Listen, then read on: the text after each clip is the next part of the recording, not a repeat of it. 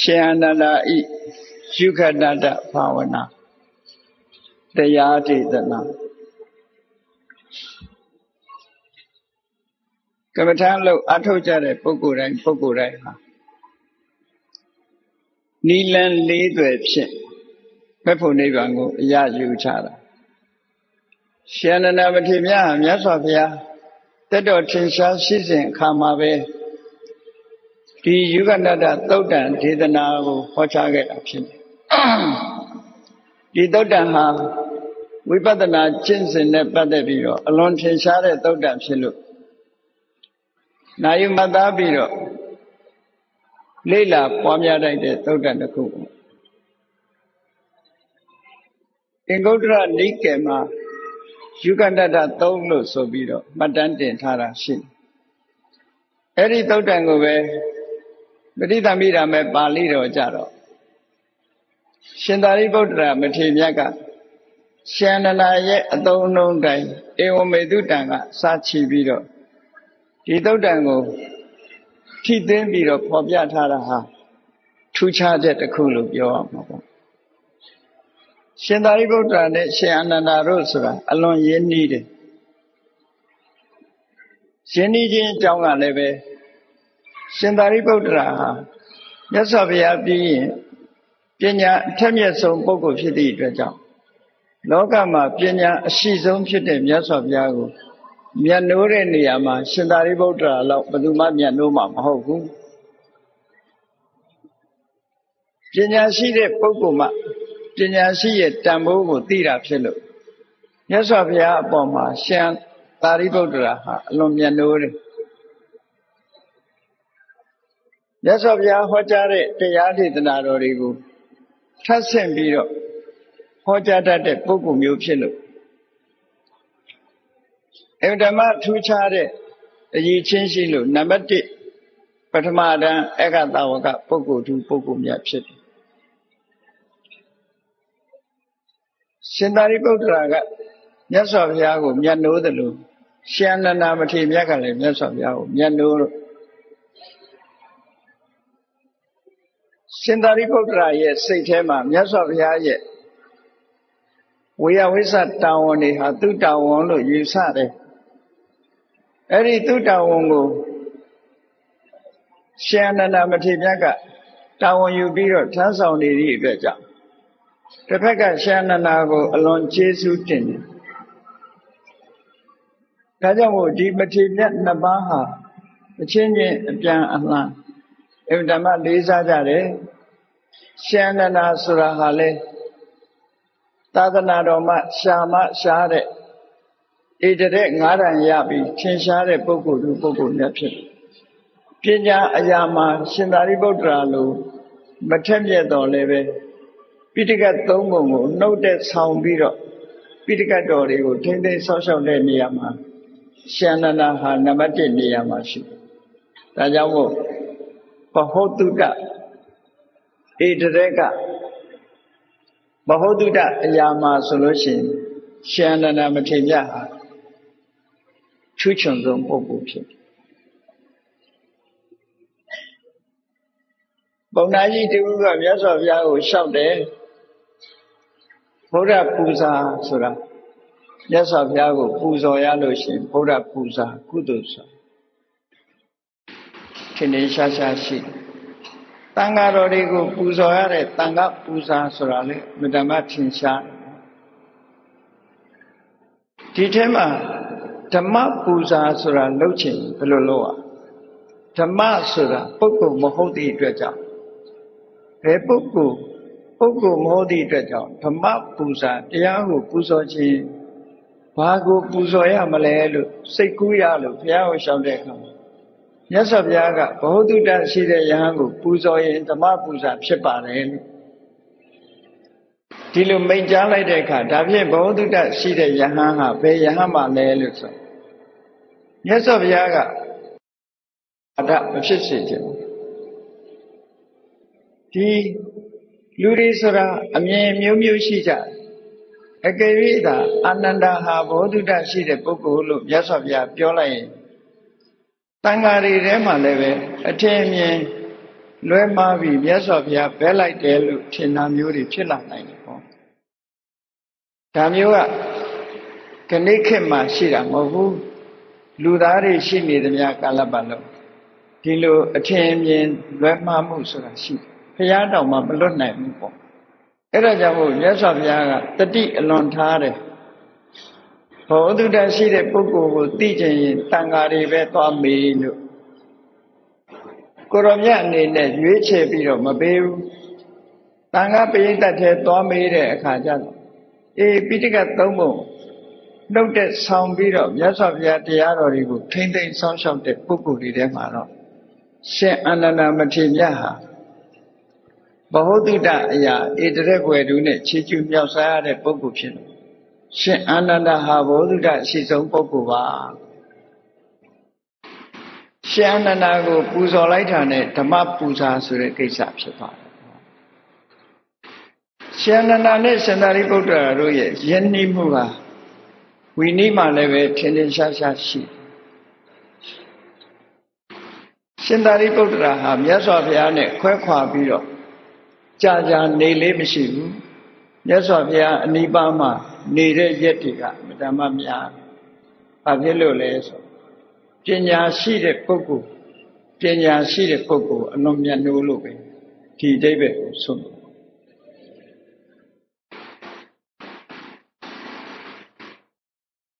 အဲဒါကြောင့်မို့ရှင်သာရိပုတ္တရာမထေရမြတ်နဲ့ရှင်အနန္ဒယဉ်နိမှုကိုအကြောင်းပြုရှင်အနန္ဒဟာသင်္ကန်းကောင်းကောင်းလေးရလာလို့ရှိရင် ရှင်သာရိပုတ္တရာကိုလှူခြင်းတဲ့စိတ်ရှိတယ်အမြဲတမ်းလှူခြင်းတော့ခါလေးရလာလာရှင်သာရိပုတ္တရာဘုဆိုပြီးတော့ဥတီပီထားလေးရှိကြတာဝီနည်းထဲမှာမှတ်တမ်းတင်ထားတာရှိဒါကြောင့်မို့ဒီပုဂ္ဂိုလ်မြတ်နှစ်ဦးဟာနှစ်ပါးဟာအလွန်ပဲရင်းနှီးတယ်ဆိုတာကိုသိချရရှင်နန္ဒာက မြတ်စွာဘုရားထံကဓမ္မခန္ဓာပေါင်း8400ရှိတဲ့ထင်ဓမ္မခန္ဓာပေါင်း8200ကိုတိုက်ရိုက်သင်ယူခဲ့ပြီးတော့ကျန်တဲ့2000ကိုရှင်သာရိပုတ္တရာစတယ်ရဟန်းတော်တွေဆီကသင်ယူတာအများဖြင့်တော့ရှင်သာရိပုတ္တရာဆီကသင်ယူမှတ်သားဒီပတိမြတ်နှစ်ပါးအပြန်အလှန်ဆွေးနွေးကြတဲ့တုတ်တန်တွေမှာလည်းရှိတယ်အခုဒီယုဂနတ္ထ ဘာဝနာနဲ့ပတ်သက်ပြီးရှင်အာနန္ဒာဟောထားတာကိုရှင်သာရိပုတ္တရာမထေရမြတ်ကသူ့ရဲ့ပဋိသင်္ပိဒမက္ခပါဠိတော်မှာအေဝမေတုတံနဲ့စချင်ပြီးတော့ဟောထားတာထူးခြားတယ်လို့ဒီလိုပြောအောင်အဲ့တော့ဒီသုတ်တံမှာမြတ်စွာဘုရားတက်တော်ထင်ရှားရှိတော့ရှင်သာရိပုတ္တရာလည်းတက်တော်ထင်ရှားရှိတော့ဟောခဲ့တဲ့သုတ်တံတစ်ခုပဲ အဲ့ဒီတရားဝဲမှာဘယ်မှာဟောတာတုံးလို့ဆိုရှန္ဒနာမထေရကကောတမီပြည်ဂောတိတရဲ့အကြောင်းမှာသတင်းသုံးနေတော့ဟောဖြစ်ကောတံပီဆိုတာဒီကနေ့ခေတ်မှာအလဟဘတ်နာမှာရှိတယ်ဆိုတာအိန္ဒိယရောက်တော့ကသိရှိခဲ့ရတော့အဲ့ဒီကောတံပီဟာ ခင်းငံနဲ့ယမုနာမြစ်ကြီးနဲ့တွေဆုံစည်းတဲ့နေရာမှာတည်ထားတာဖြစ်အန်လဟာဘတ်ဆိုတဲ့မြို့နားမှာကောသမရှိတယ်စိတ်ဝင်စားတဲ့ပုဂ္ဂိုလ်တွေသွားရောက်ပြီးတော့ကြည့်လို့ရဒီကနေ့တော့ကောသမီမြို့ဆိုပြီးတော့ဒီနာမည်နဲ့တော့မရှိဘူးသို့တော့ကောသမီမြို့နားမှာဘာရှိတုံးဆို ကောတိတယုံဆိုတဲ့သတင်းသုံးတဲ့ကျောင်းရာကြီးကတော့ရှိသေးတယ်အဲ့ဒီနေရာကိုအိန္ဒိယနိုင်ငံသားတွေကသမိုင်းဌာနအနေနဲ့မှတ်တမ်းတင်ထားတာဂောစီတာရံဆိုတဲ့စကားလုံးနဲ့ရေးပြီးတော့ထားဂောတိတာရမဂောစီတာရံလို့သူတို့ရေးထားတာဘုရားကျောင်းတော်အနေနဲ့ထိတ်မှတ်တစ်ခုပဲခြံရတော့တယ်ပေါ့ဒီကနေ့ အင်္ဂါတွေဘာတွေရှိတော့တာတော့မဟုတ်ရှန္ဒနာဟာကောတိတယုံအကြောင်းမှာသတင်းသုံးနေတဲ့အချိန်ဒီယုဂနတတုတ်ဆိုတာဟောကြားရှုခဏတ္တရဲ့အဓိပ္ပာယ်ကအစုံလိုက်သွားတယ်ဆိုတဲ့အဓိပ္ပာယ်ပဲရှုခဆိုတာသံဖို့လဲကတဲ့အခါမှာနွားကိုဟိုဘက်တစ်ကောင်ဒီဘက်တစ်ကောင်ရှင်ပြီးတော့တွဲက ထမ်းဖို့များထမ်းတဲ့အခါမှာလည်းပဲဟိုဘက်တစ်ခုဒီဘက်တစ်ခုဒီလိုထမ်းလေးရှိအစုံလိုက်ဆိုတဲ့အဓိပ္ပာယ်ကိုပေါ်ပြရှုခဏတ္တအစုံလိုက်တွဲပြီးတော့သွားရတဲ့ဟာကမ္မထာဘာဝနာအထုတ်တဲ့အခါမှာလည်းပဲ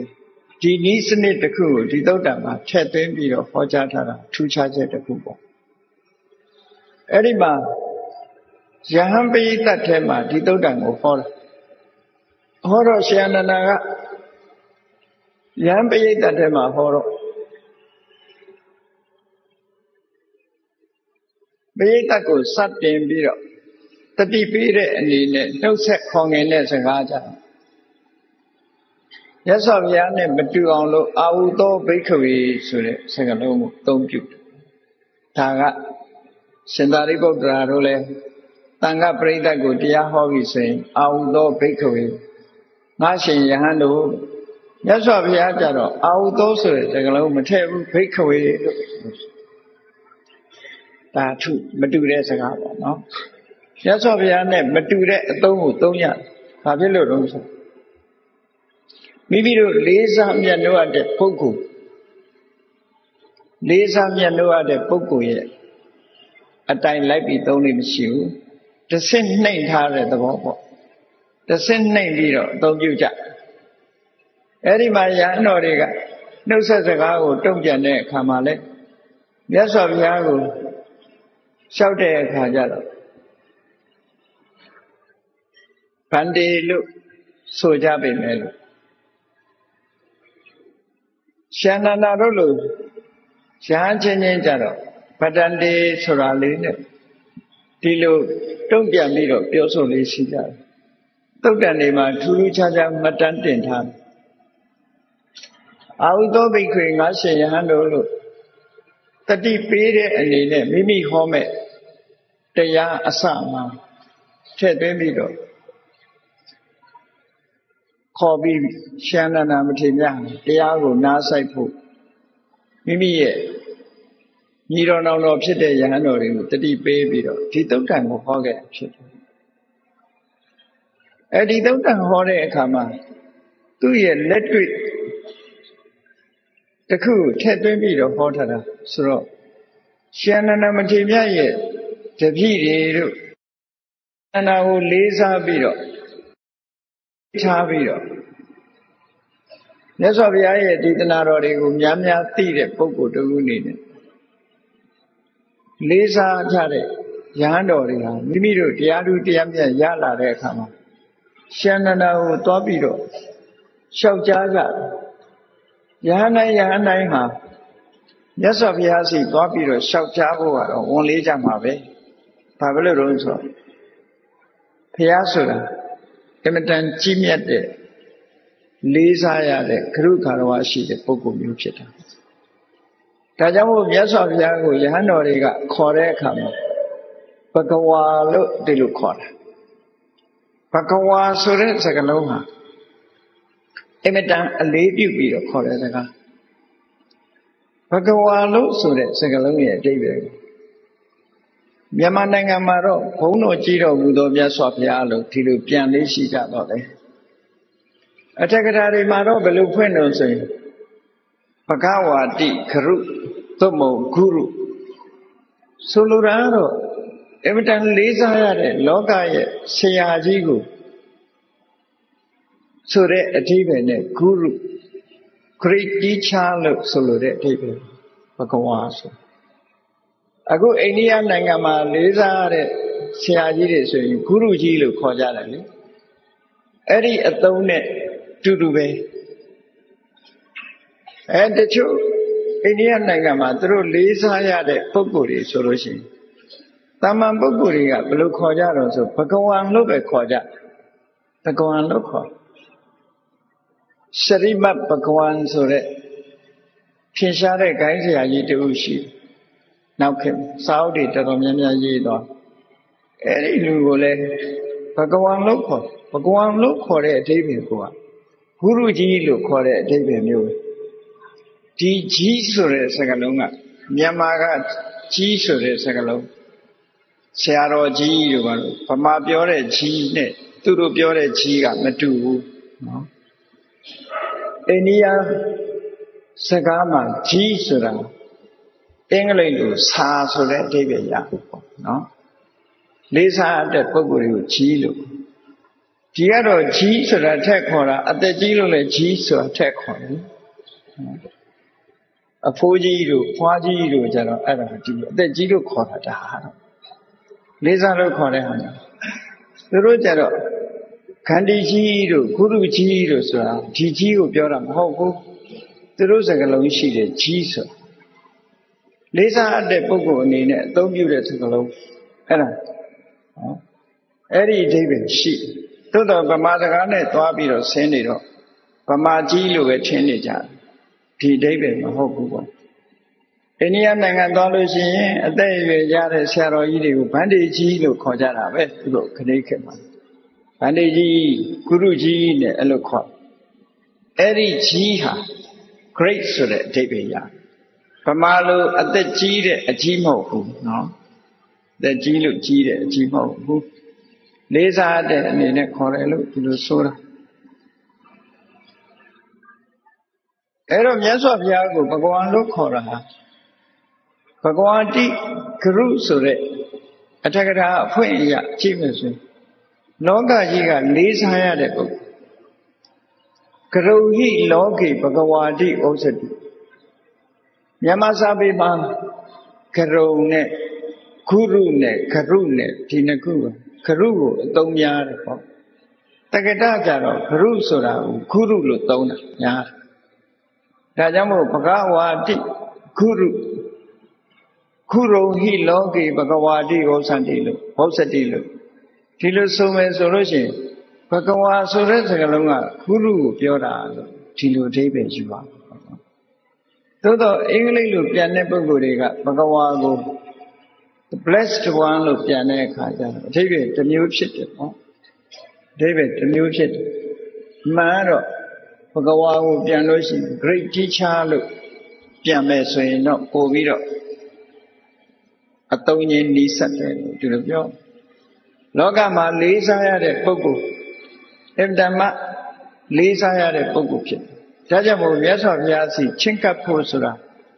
ယဟန်တိုင်းတန်ဃာတိုင်းအတွက်လွယ်တာမဟုတ်ဘူးပေါ့ရှင်နန္ဒာစီလာရောက်ပြီးတော့ချင်းကပ်ပြီးမြတ်စွာဘုရားကိုမေးမဲ့မေးခွန်းတွေကိုရှင်အနန္ဒာအားပဲဖြေပေးရတယ်လို့ဒီလိုအိဗယ်မျိုးတွေရတယ်နော်ဒါကြောင့်မလို့ ဒီယုဂနတ္တသုတ်မှာရှင်အနန္ဒာကပြောထားတယ်မရှင်ယဟန်တို့တဲ့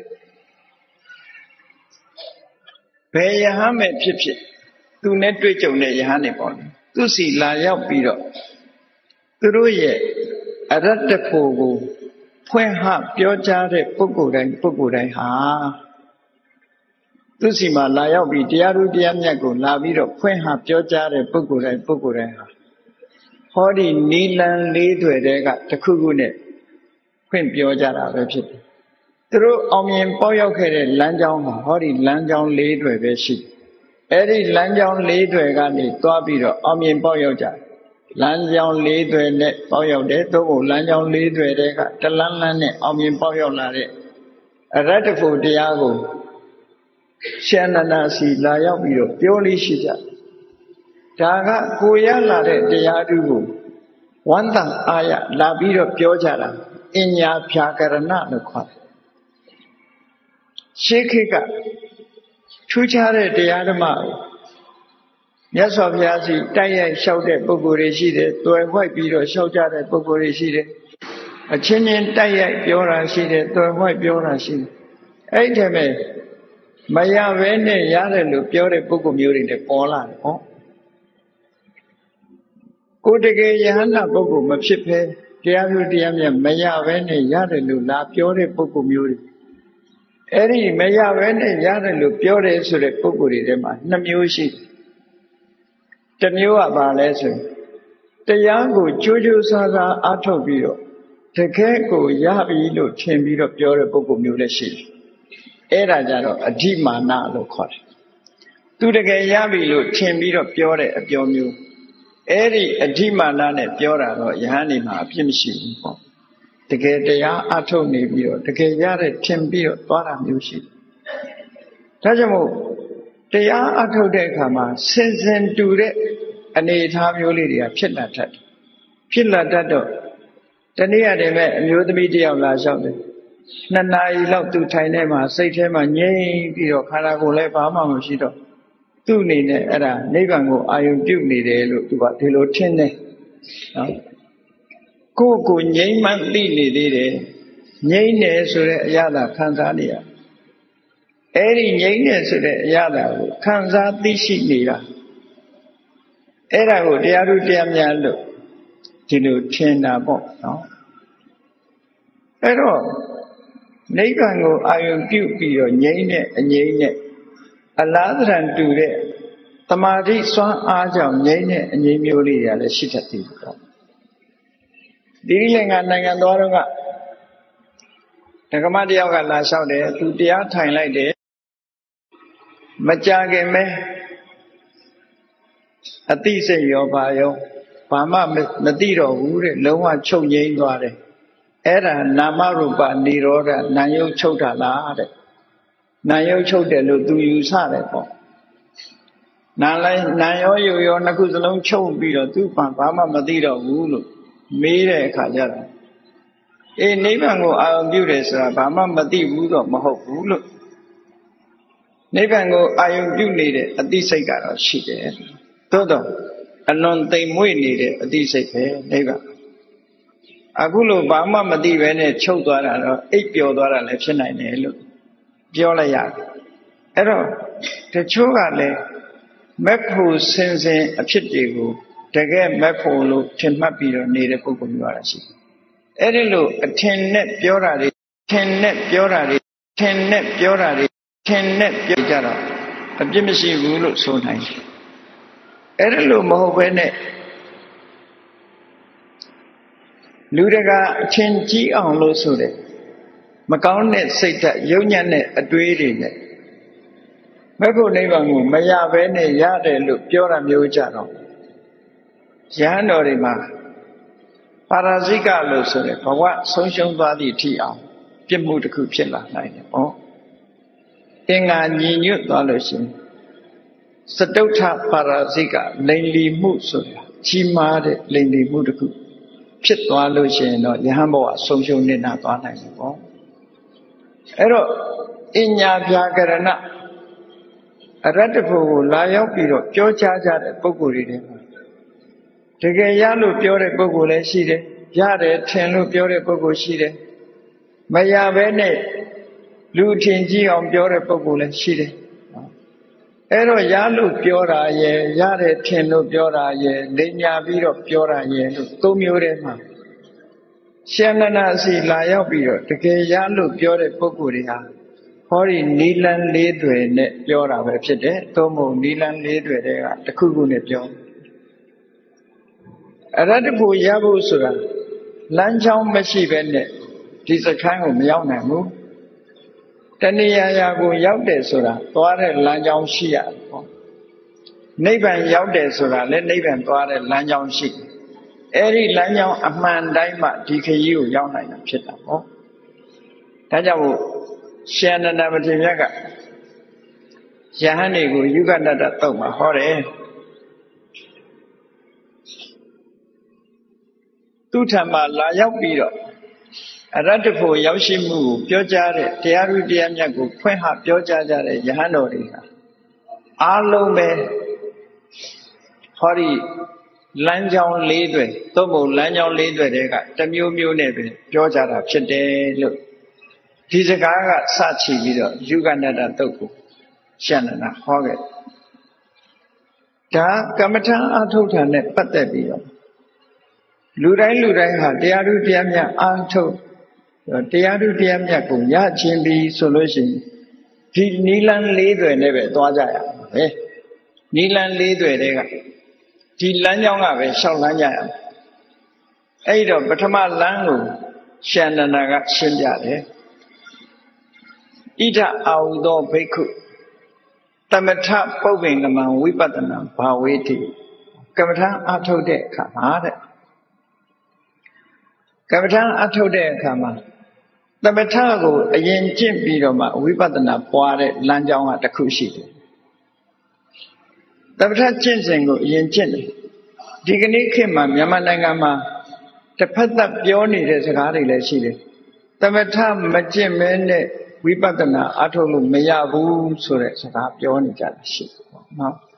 အခုနံပါတ်1ကတော့သမထကိုအရင်ကျင့်ပြီးတော့မှသမထကိုရှေ့သွားထားပြီးတော့မှဝိပဿနာနောက်ကလိုက်တဲ့ကျင့်စဉ်တစ်မျိုးတဲ့ဘာဝနာတစ်မျိုးဆိုတာရှိ သမထကိုယဉ်ကျင့်ရမယ်ပြီးတော့မှဝိပဿနာနောက်မှကျင့်ဒါကနီလန်းလေးသွယ်တဲ့ကတသွယ်ပဲဖြစ်တယ်ဒီနီလန်းသာလည်းအမှန်ကျန်တာတွေအမှားလို့ပြောလို့မရဘူးဒီနံပါတ်1နီလန်းကိုဆုပ်ကင်ပြီးတော့ဟောပြောနေတဲ့ပုံကိုယ်တွေလည်းရှိနော်သမထမပါဘဲနဲ့ဝိပဿနာမဖြစ်ဘူးလို့ဆိုတာနိုင်ငံခြားတိုင်းပြည်တွေမှာလည်းပဲဒီယူဆ ဒီဟိုကဘုန်းကြီးတွေဒီယူဆရှိတာရှိဒီယူဆရှိတော့ဘာဖြစ်တုံးဆိုဒုက္ခဝိပဿကသို့မဟုတ်သုဒ္ဓဝိပဿနာယာနိကဆိုတာမမှန်ဘူးဆိုပြီးတော့ညင်းပယ်ကြတာမျိုးရှိဟုတ်ဝိပဿနာတက်တက်အားထုတ်လို့မရဘူးသမထအရင်အားထုတ်ရသမထရပြီးတော့မှဝိပဿနာကိုကျင့်ရမယ်လို့ဒီယူဆဘယ်ကနေဖြစ်ပေါ်လာတယ်လဲလို့ဆိုရင် မဟာသတိပဋ္ဌာန်တုတ်ဘာသာပြန်တဲ့အခါနိုင်ငံခြားမှာအင်္ဂလိပ်လိုပြန်တဲ့ဘာသာပြန်ချက်ဟာအမှန်တမ်းလွဲမှားနေတာတခုရှိဘာကိုဘာသာပြန်တာတော့ဆိုကာယေကာယ ानु ပတိဝိဟရတိအာတာပိတမ္ပဇာနောတတိမာဝိနေယလောကိဘိစ္ဆာထောမနတအဲ့ဒီမှာလုပ်ငန်းတစ်ခုဖော်ပြထားတာရှိတယ်ကာယကိုကာယလို့ရှုမှတ်ပြီးတော့ နေတယ်နေခြင်းကရိယာတစ်ခုရှိတယ်နောက်ကရိယာတစ်ခုကဘာလို့ဆိုရင်အဘိဓါနဲ့ဒေါမနတကိုဖယ်ရှားတယ်ဆိုတာတစ်ခုအဲ့ဒီနှစ်ခုမှာအဘိဓါဒေါမနတကိုဖယ်ရှား၍ကာယကိုကာယလို့ရှုပြီးတော့နေတယ်လို့ကာယ ानु ပတနာတတိပ္ပံတရားအထုတ်တယ်အဲ့ဒီမှာ အဘိဓါဒေါမနတကိုဖယ်ရှား၍ဆိုတဲ့စကားလုံးကိုဘာသာပြန်တဲ့အခါမှာဘယ်လိုပြန်လို့ဆိုရင်အဘိဓါဒေါမနတကိုဖယ်ရှားပြီးမှကာယ ानु ပဒနာတရားကိုအထုတ်တယ်။အော်တတိပဋ္ဌာန်ကျင့်စဉ်ကျင့်မယ်ဆိုရင်အဘိဓါနဲ့ဒေါမနတကိုအရင်ဖယ်ရအောင်မယ်။ဖယ်ပြီးတော့မှဟောဒီကာယ ानु ပဒနာ contemplation of the body ဆိုတာဒါကိုလောက်ရမယ်လို့သူက ယူဆဘာသာပြန်လိုက်တဲ့ပုဂ္ဂိုလ်ကဒီတွာဆိုတဲ့ပါဠိစကားရဲ့အသုံးကိုသူတို့ကကြာကြာနာနာနားမလည်ဘူးနားမလည်တဲ့အခါကျတော့အဘိဇာဒေါမနတကိုဖယ်ရှားပြီးမှဖယ်ရှားပြီး၍တတိပဒံတရားကိုပွားများအထုတ်တယ်ဆိုအဲ့တော့အရင်ဖယ်ရှားရမယ်ဆိုဘာနဲ့ဖယ်ရှားမလို့ဆို သမထကျင့်စဉ်နဲ့ဖယ်ရှားပြီးတော့မှဝိပဿနာကျင့်ရမယ်ဒီနံပါတ်1ကိုရည်ညွှန်းပြီးတော့သူပြောကြနော်သမထပုပ္ပင်ကမဝိပဿနာဘာဝေတိဒါသာအမှန်လို့ယူဆပြီးတော့အဲ့ဒီမဟာသတိရံတုတ်ကိုဘာသာပြန်တဲ့အခါမှာလဲလွယ်လွယ်မမအဲ့ဒါလိုပြန်လိုက်ကြပြန်လိုက်တော့ဘာဖြစ်လာတော့ဆိုအဘိဓါဒေါမနတကိုမဖယ်ရှားဘဲနဲ့ တတိပဋ္ဌာန်တရားအမထုတ်ရဘူးဆိုတဲ့အယူဆတစ်ခုပေါ်လာအဲ့လိုပေါ်လာတဲ့အခါကျတော့ဘာလို့တော့သမထကျင့်စဉ်ကိုယဉ်ကျင့်ရမယ်ဘိဇာနဲ့ဒေါမနတဖယ်ဖို့သမထကျင့်စဉ်တမာတိစွမ်းအားနဲ့ပယ်ရမယ်ပယ်ပြီးမှဝိပဿနာအထုတ်လို့ဒီယူဆတစ်ခုပေါ်လာအင်္ဂလိပ်လိုပြန်တဲ့အခါမှာသူတို့ကဒီဝိနည်းယဆိုတဲ့တွာကို heaven ဒီအိဗယ်နဲ့ပြန် perfect tense နဲ့ past perfect နဲ့ပြန်လိုက်တော့အခါကျတော့ဒီအိဗယ်တက်ရောက်သွားသို့တော့တွာဆိုတာ၅မျိုးရှိတယ်လို့မြန်မာပြည်ကအခုလိုစာသင်တိုင်းကြီးတွေမှာစာသင်နေတဲ့တန်ဃာတွေသိတယ်လို့စာသင်တိုင်းကြီးတွေမှာသင်တာတွာ၅မျိုးဆိုအလုံးသိကြပုဗ္ဗကာလဆိုတဲ့ကျွတင်ပြီးတော့လောက်တာရှိတယ်အပရကာလဆိုပြီးတော့နောက်မှဖြစ်တာရှိတယ် တမာဏကာလဖြိုင်းလူဖြစ်တာဆိုတာရှိတယ်ဟေတုအကြောင်းဆိုတာရှိတယ်လက္ခဏာအချိန်အခါမှတ်သားပြတာဆိုတာရှိတယ်အဲ့ဒီလို၅မျိုးရှိတာကိုကွဲကွဲပြားပြားမသိတဲ့အခါတွားမြင်တိုင်းအခုလိုပုဗ္ဗကာလနဲ့ယူရပြန်လိုက်သည့်အတွက်ကြောင့်လွဲမှားပြီးတော့အတိပ္ပယ်ကောက်တဲ့အခါလဲလွဲလွဲမှားမှားတွေဖြစ်တယ်အယူဆတွေထိအောင်လွဲမှားသွားတယ်ဒါမျိုးဖြစ်တယ်နော်ဒါကြောင့်မို့လို့ စကလုံးဟာအမတ္တမအရေးကြီးတယ်ဒီမဟာတတိပဌာနတုတ်ကိုအင်္ဂလိပ်လိုပြန်တဲ့အခါမှာ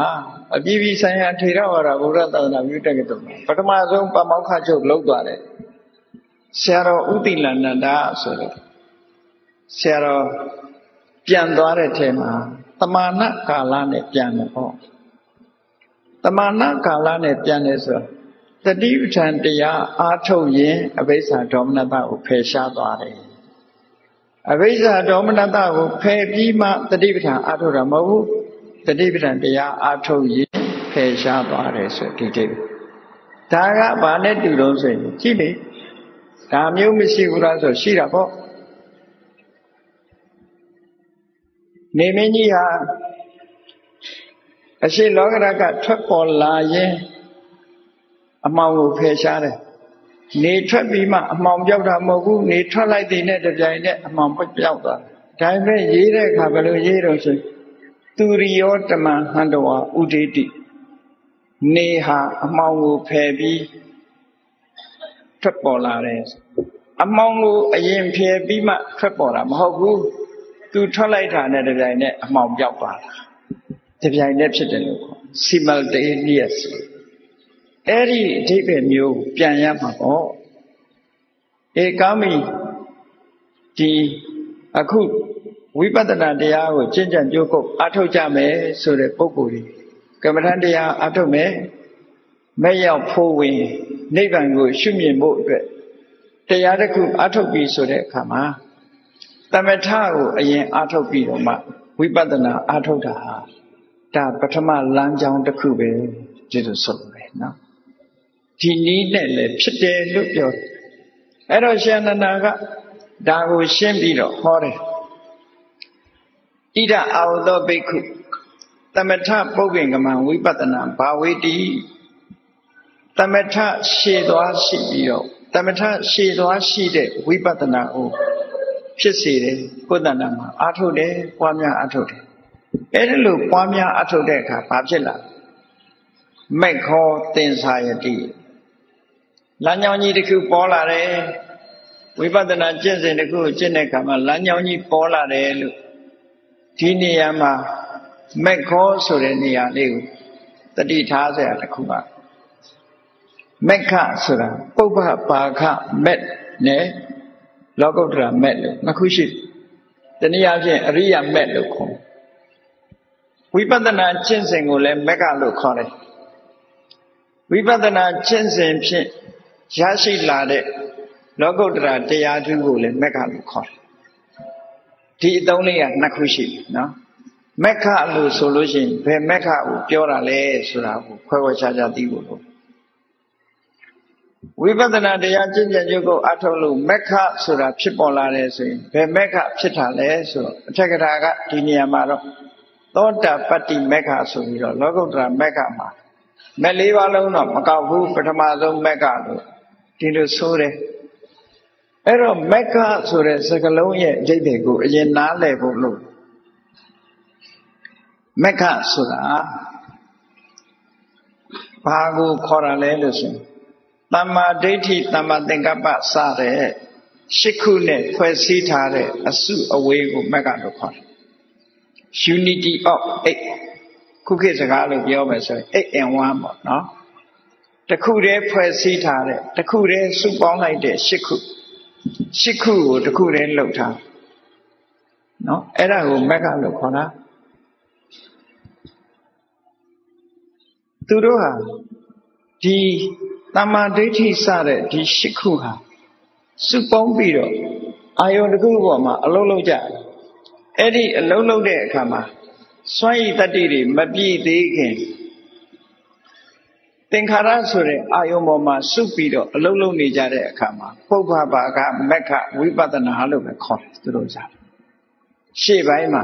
သင်္ခါရအာယုံနဲ့အလုံးလုံးထားကြတော့ပုပ္ပဘာကမက္ခ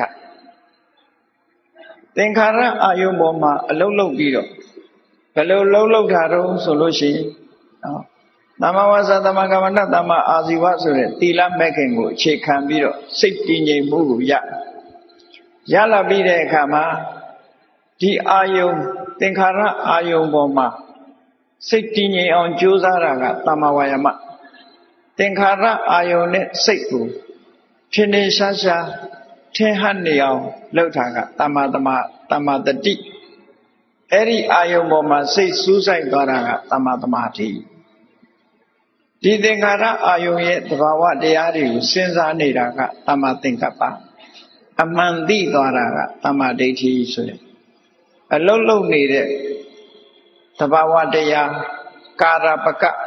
မက်ခင်ကလို့ခေါ်တယ်ဒီအင်္ဂါ၅ပါးဒီသဘာဝတရား၅ခုနဲ့အလုံးလုံးတယ်သမ္မာဝါစာသမ္မာကမ္မန္တသမ္မာအာဇီဝတို့ကတော့အထောက်အကူအနေနဲ့ကျွတ်တင်ဖြစ်တင်ထားတယ်ပေါ့အလုံးပေါင်းလိုက်တော့၈ခုပေါ့နော်သို့တော့ကမ္မထမ်းလို့အားထုတ်နေပြီဆိုတဲ့အချိန်မှာဒီ တမ္မာဒိဋ္ဌိတမ္မာသင်္ကပ္ပတမ္မာဝါယမတမ္မာတတိတမ္မာသမာဓိဆိုတဲ့ဒီ၅ခုကစွမ်းဆောင်မှုပြုနေတာသူတို့အလုံးလုံးအဲ့ဒီအလုံးလုံးတဲ့အခါသင်္ခါရတွေရဲ့တဘာဝကိုဆင်ញင်စဉ်းစားနေတာတမ္မာသင်္ကပ္ပကြိုးစားနေတာတမ္မာဝါယမသင်္ခါရအာယုန်နဲ့စိတ်မကင်းမကွာရှိနေအောင်လုပ်ပေးတာကတမ္မာတတိတည်ငြိမ်ကောင်းအောင်လုပ်ပေးတာတမ္မာသမာဓိနဲ့အမှန်သိလိုက်တာကတမ္မာဒိဋ္ဌိ သူကိစ္စသူလုပ်ကြတာပဲသူကိစ္စသူလုပ်တာဟာ function ချင်းမတူဘူးလို့ခေါ်တယ်ဆောင်ရွက်ဖွဲ့ကိစ္စချင်းလူရဲ့ခန္ဓာကိုယ်မှာတောင်မှသေချာစဉ်းစားကြည့်ခန္ဓာကိုယ်မှာတောင်မှပဲခန္ဓာကိုယ်ရဲ့အစိတ်ပိုင်းတွေဟာသူကိစ္စပဲသူလုံးနိုင်တယ်သူများကိစ္စဝင်လုံးလို့မရဘူးတတိဆိုတာအာယုံကိုယူပေးတဲ့ကိစ္စပဲသူလုံးနိုင်တယ်သိနိုင်စွာမရှိဘူးဟော တတိကအာယုံနဲ့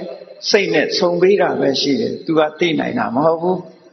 လုံးလဝိရိယဆိုတာလဲစိတ်ဓာတ်တွေကိုကြမလို့အောင်တင်းပေးနိုင်တာသာရှိတယ်သိနိုင်စွာမရှိဘူး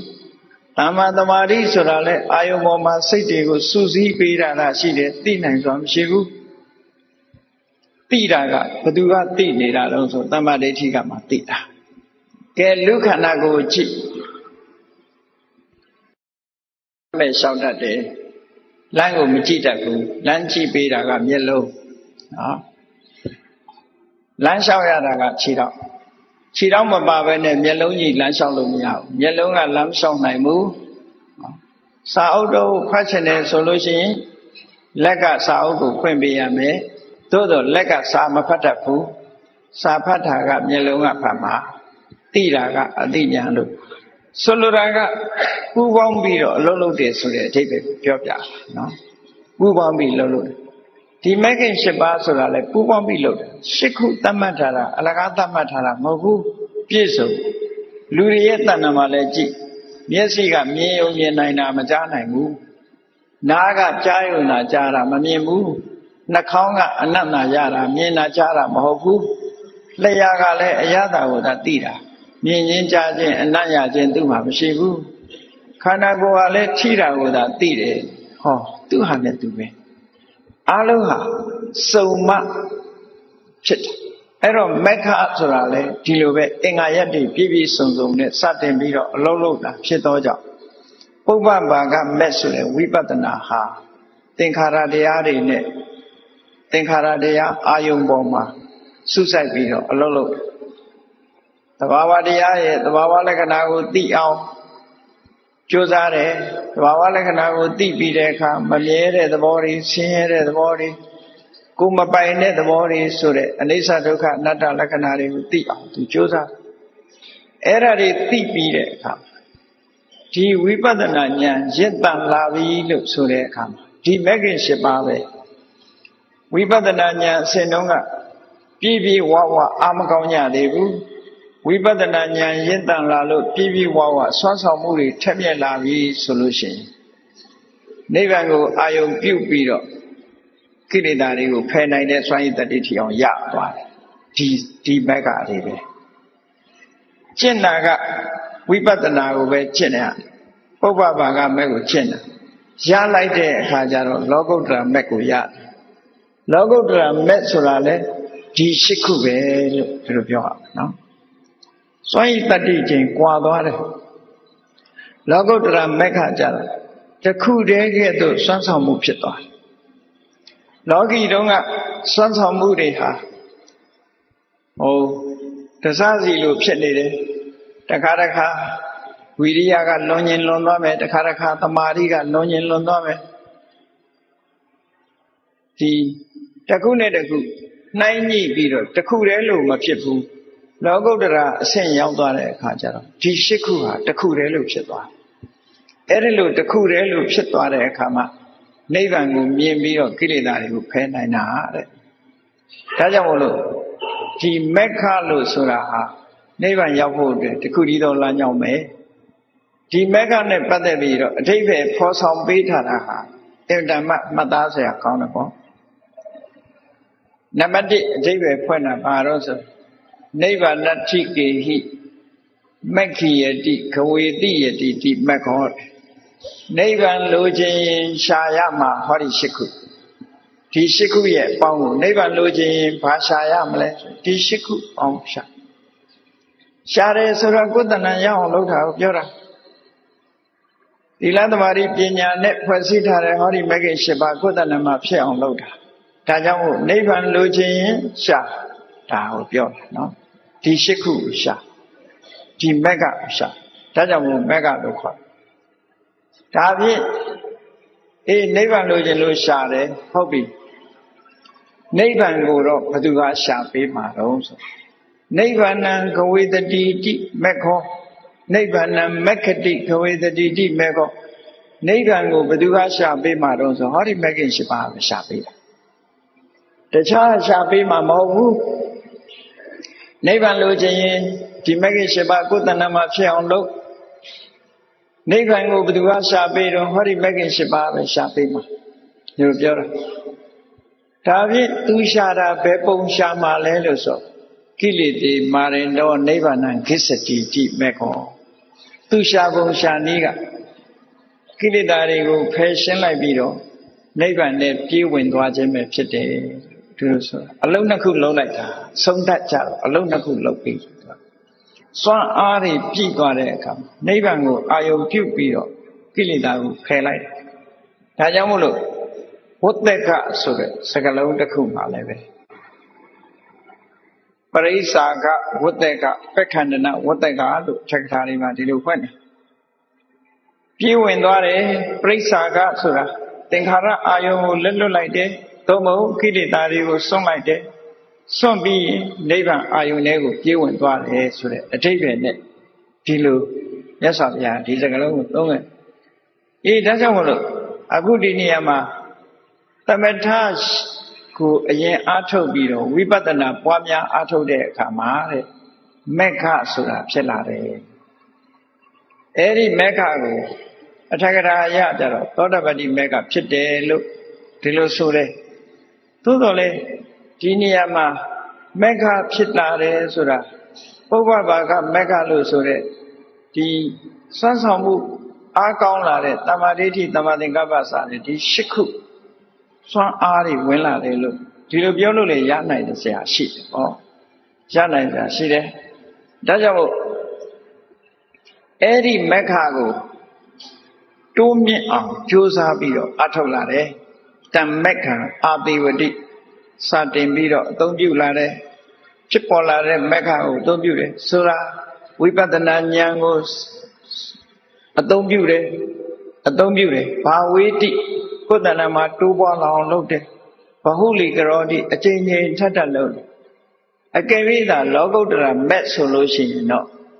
လောကုတ္တရာမက်ဆိုတာတစ်ခါတည်းပဲဖြစ်တာနောက်ထပ်ပြန်ဖြစ်တာမဟုတ်ဘူးမဖြစ်သည့်အတွက်ကြောင့် ဘာဝိတိတိုးပွားအောင်လှုပ်တာတော့ဘိုးလီကရောတိအချိန်ချင်းလှုပ်တယ်ဆိုတာမဖြစ်နိုင်ဘူးပေါ့ဒါကြောင့်မလို့ဒီမက်ကဟာလောကုတ္တရာမက်ကမဟုတ်ဘဲနဲ့ပုပ္ပဘာကမက်ခလို့ဆိုတယ်ဝိပဿနာမက်ကဆိုရင်အလုံးခြုံကုန်ပြီးတော့ယူလို့ရသို့တော်ထေကရာကဒီနေရာမှာတင့်အောင်ယူပြထားတာလည်းရှိတယ်သောတပတိမက္ခဖြစ်လာပြီဆိုလို့ရှိရင်တဲ့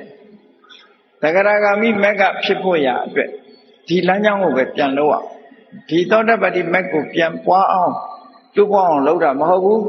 သောတပတိမက်ကိုပို့ဆောင်ပေးတဲ့ဝိပဿနာမက္ခဆိုတာကိုပဲပြန်တူပွားအောင်လုပ်ပြီးဆိုလိုတာကသောတပန်ပုဂ္ဂိုလ်ရဲ့ဝိပဿနာနဲ့သဂရဂံပုဂ္ဂိုလ်ရဲ့ဝိပဿနာသဂရဂံရဲ့ပုဂ္ဂိုလ်ရဲ့ဝိပဿနာကပို့ပြီးတော့ထက်မြက်တယ်တခါတကရာကံဖြစ်ပြီးရင်အနာဂံဖြစ်ဖို့အတွက်ဝိပဿနာတရားပဲအထောက်အ အဲ့ဒီဝိပဿနာကပို့ပြီးအရှင်းမြင့်တခါအနာဂံဖြစ်ပြီးယန္နာဖြစ်ခြင်းဝိပဿနာပဲအထောက်အဆိုလိုတာကဘယ်ပဲတက်တက်လေကားနဲ့ပဲတက်ရဝိပဿနာဆိုတဲ့လေကားမပါပဲတက်လို့မရဘူးဒီချိတ်ပဲပြောအဲ့တော့ဒီမက္ခဆိုတဲ့ဝိပဿနာဒီလမ်းကြောင်းကြီးကိုတိုးပွားလာအောင်လုပ်လိုက်တဲ့အခါမှာဘာဖြစ်တယ်ဆိုတတ္တတမ္မက္ခံအာတိဝတော် ဘာဝယတော်ဘဟုတိကရောတော်အဲ့ဒါကိုတိုးပွားအောင်ကြိုးစားဘာဖြစ်တယ်တန်ရောစနာနိပိဟိယန္တိတန်ရောစင်นี่ပျောက်ကင်းသွားတယ်မဲ့အစင်းစင်တန်ရောစင်นี่ပျောက်ကင်းသွားတယ်ဥပမာမဲ့သောတပတိမက္ခဆိုတာကိုရောက်သွားရင်တက္ကာယဒိဋ္ဌိဆိုတဲ့တန်ရောစဉ် ဝိသိကိစ္စဆိုတဲ့တန်ရောစဉ်သီလဝတ္တပရမာသဆိုတဲ့တန်ရောစဉ်ဒီဒိဋ္ဌိတန်ရောစဉ်ကိုပျောက်ကင်းပြီးတော့သွားဝိသိကိစ္စတန်ရောစဉ်ပျောက်ကင်းသွားတခါအိတ်တာတန်ရောစဉ်မစ္စရိယတန်ရောစဉ်ဆိုတာလည်းပဲသောတပတိမဲ့နဲ့ပဲပျောက်ကင်းသွားတာပဲဒီတန်ရောစဉ်ပျောက်ကင်းသွားနိုင်တယ်လို့ဒါတွေကိုဖယ်ရှားပြီးသားဖြစ်သွားတယ်ဘယ်သူနဲ့ဖယ်ရှားတာတော့ဆိုရင်ဒီမက္ခဆိုတဲ့စွမ်းအားနဲ့ပဲဖယ်ရှားတာပဲ တန်ရောဇနာနိပယယန္တိတန်ရောဇဉ်ဒီပျောက်ကင်းသွားပြီးတော့အနုတယဗျန္တိဟွန်တိတန်တရာကနေပါလာတဲ့ဖြစ်ခနဲ့ရှိဖြစ်ဖို့အခြေအနေပေးနေတယ်အနုတယအနုတယကိုခုခေတ်စကားနဲ့ပြောမယ်ဆိုရင် positive ဖြစ်ဘုန်းကြီးတို့ရဲ့တဏ္ဍမှာစိတ်ထဲမှာလောဘစစ်ကြည့်လိုက်ရင် positive နော် အာယုန်နဲ့မတွေ့ရင်တွေ့ရင်လောဘဖြစ်လာမှာဒီတိုင်းနေလို့လူတွေဟာသဘောကောင်းကြတယ်ပြုံးပြုံးပြုံးပြုံးနဲ့နေတယ်ဒေါသဖြစ်เสียအာယုန်နဲ့တွေ့ရင်ဖြောင်းကနေဒေါသဖြစ်လာဒါ positive ဖြစ်နေတာပြော positive ကအာယုန်နဲ့တွေ့တဲ့အခါမှာ activate ဖြစ်လာလှုပ်ရှားပြီးတော့ထကြွတောင်းကျမ်းလာဒီလိုဆိုလိုတာပေါ့နော်အဲ့တော့ကိလေသာတွေဟာလောဘပဲဖြစ်ဖြစ်ဒေါသပဲဖြစ်ဖြစ်မောဟပဲဖြစ်ဖြစ် မာမာနပဲဖြစ်ဖြစ်အိတ်တာပဲဖြစ်ဖြစ်မစ္စရိယပဲဖြစ်ဖြစ်ကိုယ်တဏ္ဍာမှာအမြဲဖြစ်နေတာအမြဲလှုပ်ရှားနေတာတော့မဟုတ်ဘူးကိုစစ်တဲ့အနေနဲ့ရှိနေတာမိချစ်ဖူးထဲမှာမိသဘောတည်ရှိနေတဲ့သဘောပဲကက်စမီချစ်လေးကိုအိတ်ထောင်နဲ့ထည့်သွားမပူဘူးမိမလောင်ဘူးကိစ္စမရှိဘူးဘာဖြစ်လို့တော့ positive ပဲလေ potentiality လို့ဖြစ်နိုင်တဲ့အနေအထားတစ်ခုပဲရှိတယ်အေး သွားပြီးတော့ဖိမချစ်နဲ့ချစ်လိုက်လို့ရှိရင်မိတော့လေးပေါ်လာမှာပဲအဲ့ဒါလိုပဲလောဘဒေါသမောဟ positive ဖြစ်နေတဲ့ကိုယ်စိတ်ကိုအာယုံကလာမတိုက်လိုက်နဲ့ဒေါသဖြစ်เสียအာယုံတိုက်ရင်ဒေါသအဖြောင်းကနေဖြစ်လာမှာပဲသို့တော့ဒီဒေါသဟာရင်ထဲမှာဝတ်နေတာလားကိန်းနေတာလားဆိုအဲ့ဒါလို့မဟုတ်ဘူးအဲ့လိုမဟုတ်ဘူးအဲ့လိုမဟုတ်ဘူးအဲ့လိုမဟုတ်ဖြစ်နိုင်တဲ့အနေအထားတစ်ခုသာရှိတာနော် မျိုးစိတ်လေးတစ်ခုကိုကြည့်ရင့်နေတဲ့တရက်စိမျိုးစိတ်လေးပဲကြည့်တရက်ပင်ကတရက်စိတ်လေးပဲကြည့်အပင်ပေါက်နိုင်တဲ့စွမ်းရည်တတိလေးသူ့မှာရှိတယ်သို့တော့ပြင်ပကအကူကြီးမရဘဲနဲ့အပင်ပေါက်သလားဆိုမပေါက်ဘူးဘာရှိရမလို့ရေနဲ့ရေနဲ့ပေါင်းစားရမယ် moisture ဆိုတာရှိရတယ်အဲ့ဒါရှိမှမြေနဲ့ရေနဲ့တွေ့ပြီဆိုတော့မှအဲ့ဒီမျိုးစေ့အပင်ပေါက်တာ ထို့တူပဲလူတွေရဲ့တဏ္ဍာမှာဖြစ်တဲ့လောဘဒေါသမောဟဆိုတာသူ့ဟာသူနေဖြစ်လာမှာမဟုတ်ဘူးအာယုန်နဲ့တွေ့ပြီဆိုလို့ရှိရင်ဖြစ်တယ်အဲ့ဒါကိုဆိုလိုတယ်အနုတယဆိုတာအနုရူပံကာရဏံလဘိတဝဥပ္ပစ္စတိသင်လျော်တဲ့အကြောင်းကိုရရင်ဖြစ်ဖြစ်လာတတ်တဲ့သဘာဝတရားလို့ဒီလိုပြောတာနော်သင်တော်တဲ့အထောက်အကူတစ်ခုအနုရူပံကာရဏံလဘိတဝသင်လျော်တဲ့အကြောင်းတစ်ခုထပ်ပိုးပေးလိုက်လို့ရှိရင်ဖြစ်လာမယ် စိတ်ဆိုးစရာအာယုန်နဲ့တွေ့ရင်ဒေါသဖြစ်လာမယ်လိုချင်စရာအာယုန်နဲ့တွေ့ရင်လောဘဖြစ်လာမယ်နော်အဲ့ဒီလိုဒီတရားတွေဟာရင်ထဲနှလုံးထဲမှာ positive ဖြစ်နေတာဒါအနုတ္တယအဲ့ဒီအနုတ္တယတွေပါ positive တွေက negative ဖြစ်အောင်လုပ်နိုင်တယ်ဆိုတာမဲ့နဲ့မှပယ်လို့ရတယ်သူပြောတာနော်အခြေအနေတွေပျက်စီးသွားတယ်ပျက်စီးပြလိုက်တယ် စွမ်းရည်တတ္တိရှိတော့နိဗ္ဗာန်ကိုအာယုံပြုလိုက်တာနဲ့တပြိုင်နက်ဆိုင်ရာဆိုင်ရာခိလေသာအနုတ္တယဓာတ်တွေခန်းချောက်သွားဥပမာကြည့်တရက်စီလေးမှာဘယ်နေရာကပေါက်တုံးဆိုအညောင်းထွက်တဲ့နေရာလေးရှိတယ်နောက်ကပေါက်တာမဟုတ်ဘူးတရက်စီနောက်ပိုင်းကနေပြီးတော့နောက်ပိုင်းဖြတ်လို့ကတော့တရက်ပင်တရက်စီကဘာမှမဖြစ်ဘူးเนาะ အညောင်းထွက်မဲ့နေရာလေးကိုမိဘူးပေးလိုက်မယ်ဆိုရင်ဒီတရက်စီကပေါက်လို့မရဘူးပျက်စီးသွားအညောင်းထွက်မဲ့မျက်စိလိုပဲခေါ်ခေါ်ဘာပဲခေါ်ခေါ်အဲ့ဒါကိုဖြက်စီးပြလိုက်လို့ရှိရင်ဒီတရက်စီကြီးတစ်ခုလုံးကတရက်ပင်ပေါက်တာမှမဟုတ်တာအဲ့ဒီသဘောပဲအနုတယဆိုတာမဲ့နဲ့ပယ်လိုက်တဲ့အခါမှာပျက်စီးသွားတယ်အေးကိလေသာတွေကုန်သွားတာနဲ့တပြိုင်နက်ဘာဖြစ်လဲ ကိလေသာတွေကိုအကြောင်းပြုပြီးဖြစ်နိုင်တဲ့ကံတရားတွေကလည်းအလုံးမဖြစ်တော့ဘူးဒါကြောင့်မို့ကိလေသာនិရောဓတွေကမ္မនិရောဓကိလေသာချုပ်သွားရင်ကံတွေချုပ်တယ်ကံချုပ်သွားလို့ရှိရင်နောက်ထပ်အကျိုးဆက်တွေဆိုတာမထုတ်လုံးနိုင်တော့ဒါကိုပဲတန်တရားဝကလွတ်တယ်လို့ပြောတာနော်တန်တရားဝကလွတ်အေးဟုတ်ပြီရှင်နန္ဒာကဒီသဘောကိုရှင်းပြတယ်သမထရှိရှိတဲ့ဝိပဿနာသမထကိုအရင်အထုတ်ပြီးဝိပဿနာအထုတ်တဲ့အခါမှာလည်းပဲ မက္ခလို့ဆိုတဲ့လမ်းကြောင်းတစ်ခုရလာတယ်အဲ့ဒီမက္ခကိုတိုးမြင့်ပြီးတော့ကျိုးစားလိုက်မယ်ဆိုရင်တာယောဇဉ်ကြီးပျောက်သွားပြီးတော့အနုတ္တယဓာတ်တွေပါခင်းသွားနိုင်တယ်ဆိုတော့ယ ahanan ဖြစ်နိုင်တယ်လို့ပြောတာနော်ဒီလမ်းကြောင်းကလည်းယ ahanan ဖြစ်သည်ဖြစ်ဖြစ်တယ်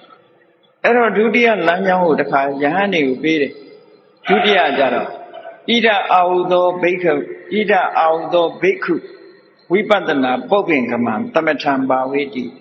ဝိပဿနာကိုအရင်ပွားပြီးတော့မှသမထပွားဒီပုဂ္ဂိုလ်ဝိပဿနာကျင့်စဉ်တစ်ခုကိုကျင့်တဲ့အခါမှာဝိပဿနာဆိုတာသမထနဲ့ဝိပဿနာဆိုတာအာယုန်နဲ့ခွဲရမယ်သမထရဲ့အာယုန်ကပညာဝိပဿနာရဲ့အာယုန်ကပရမတ်အဲ့ဒီနှစ်ခုကွဲပြားခြားနားမှုရှိတယ်ပညာကိုအာယုန်ပြုပြီးတော့တမာတိတည်အောင်လုပ်တာကသမထ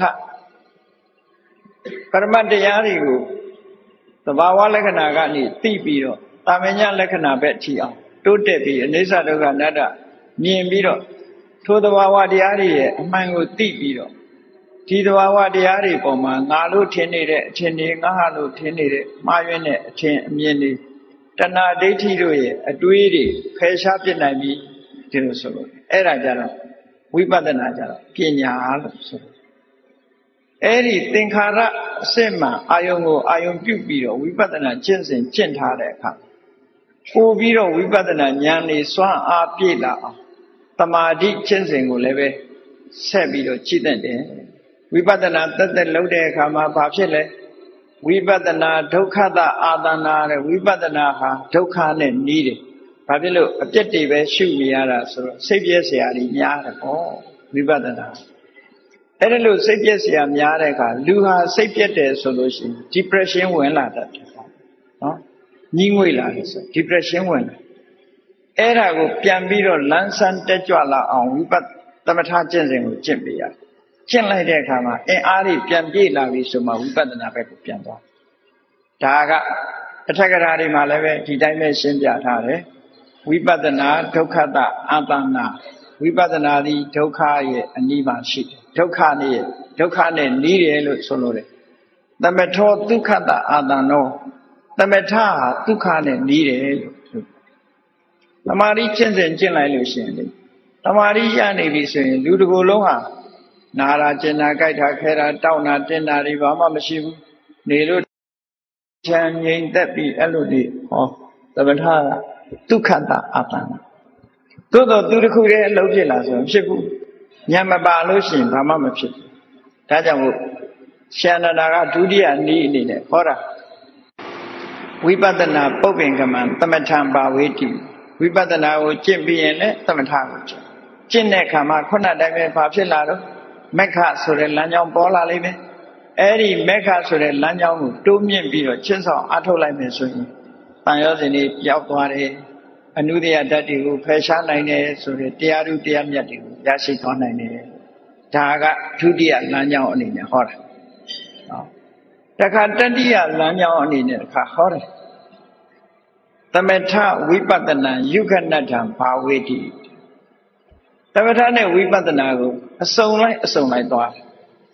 အစုံလိုက်အစုံလိုက်သွားတယ်လို့ဆိုတဲ့အခါမှာတပြိုင်နဲ့သွားလို့ကမရဘူးတပြိုင်နဲ့သွားလို့မရနိုင်ဘူး မှတ်ရှုတဲ့စိတ်သမထကျင့်နေတဲ့စိတ်နဲ့ဝိပဿနာပွားများအထောက်လို့မရဘူးစိတ်ဆိုတာတပြိုင်နဲ့လုံးလို့မရဘူးသို့တော့ तू ကတလဲစီတလဲစီလောက်သွားတာကိုပဲယုကနတ္တလို့ခေါ်တယ်ဒီနေရာယုကနတ္တလို့ခေါ်တယ်နော်အစုံလိုက်သွားတာအစုံလိုက်သွားတယ်ဆိုတာဘယ်လိုသွားလဲပထမတမာရီထူထောင်လိုက်တယ်ထူထောင်ပြီးရင်အဲ့ဒီတမာရီထူထောင်တာဟာပြညတ်အာယုန်တစ်ခုနဲ့ထူထောင် ထူထောင်ပြီးတော့အဲ့ဒီတမာတိအာယုန်ကနေဆုတ်ခွာပြီးတော့ဖြစ်ပေါ်လာတဲ့တမာတိနဲ့နံတရားတွေကိုပြန်ပြီးတော့ဝိပဿနာရှုလိုက်အာယုံပြောင်းလိုက်တဲ့သဘောပေါ့နော်တမာတိကပညာကိုအာယုံပြုတယ်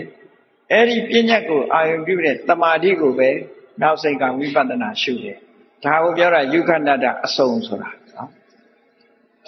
တမာတိတလည်း ဝိပဿနာတလည်းတမာတိတလည်းပညာတလည်းဒီလိုသွားတယ်ဆိုပါစို့ပထမဇန်ရတဲ့ပုဂ္ဂိုလ်ကပထမဇန်ဝင်စားလိုက်တယ်ဒါတမာတိပထမဇန်ကထထပြီးရင်ပစမဇန်ထဲမှာပါတဲ့ပထမဇန်ထဲမှာပါတဲ့စိတ်စေတသိက်ဆိုတဲ့နံတရားတွေကိုဝိပဿနာရှုလိုက်အဲ့ဒီစိတ်စေတသိက်နံတရားတွေရဲ့တရားယုတ်တရားကိုလည်းဝိပဿနာရှုဟောပထမကတမာတိအဲ့ဒီတမာတိ တမာတိကျင့်စဉ်ကိုကျင့်တယ်ဇံကိုကျင့်တယ်ဇံတရားကိုပြန်ပြီးတော့ဝိပဿနာရှုတယ်ဟောပထမဇန်ကိုအရင်ဝင်စားသမာဓိပထမဇန်ကထသင်္ခါရတရားတွေကိုဝိပဿနာရှုဒုတိယဇန်ဝင်စားဒုတိယဇန်ကထသင်္ခါရတရားတွေကိုဝိပဿနာရှုတတိယဇန်ဝင်စားတတိယဇန်ကထသင်္ခါရတရားတွေကိုဝိပဿနာရှုစတုဒ္ဒဇန်ဝင်စားစတုဒ္ဒဇန်ကထပြီးသင်္ခါရတရားတွေဝိပဿနာရှု သမထတလက်ဝိပဿနာတလက်သွားတာကိုယုခဏတာလို့ဒီလိုပြောတာအစုံအဲ့ဒီလိုကျင့်တဲ့နီးနဲ့လည်းပဲခုနကလမ်းကြောင်းတစ်ခုပေါ်လာလိမ့်မယ်တဲ့သမထတလဲဝိပဿနာတလဲသမာဓိတလဲပညာတလဲကျင့်ကြံကြုတ်ကိုအထုတ်ခြင်းအဖြစ်လမ်းကြောင်းပေါ်လာတဲ့အခါအဲ့ဒီလမ်းကြောင်းကိုပဲတိုးမြင့်ပြီးတော့ကြိုးစားအထုတ်လိုက်လို့ရှိရင်ဆိုင်ရာဆိုင်ရာတန်ရောစနေကင်းသွားပြီးတော့အနုတ္တယဓာတ်တွေပါ ချုပ်ငိမ့်ပျောက်ကွယ်သွားနိုင်တယ်လို့ဟောဒါတတ္တိယနီးဝိပဿနာတရားအထုတ်တဲ့အခါမှာပထမနည်းကသမထအရင်ဝိပဿနာနောက်သမထအရင်အထုတ်ပြီးမှဝိပဿနာကိုအထုတ်တာပထမနည်းဒုတိယနည်းကျတော့ဝိပဿနာအထုတ်ပြီးတော့မှသမထကိုကျင့်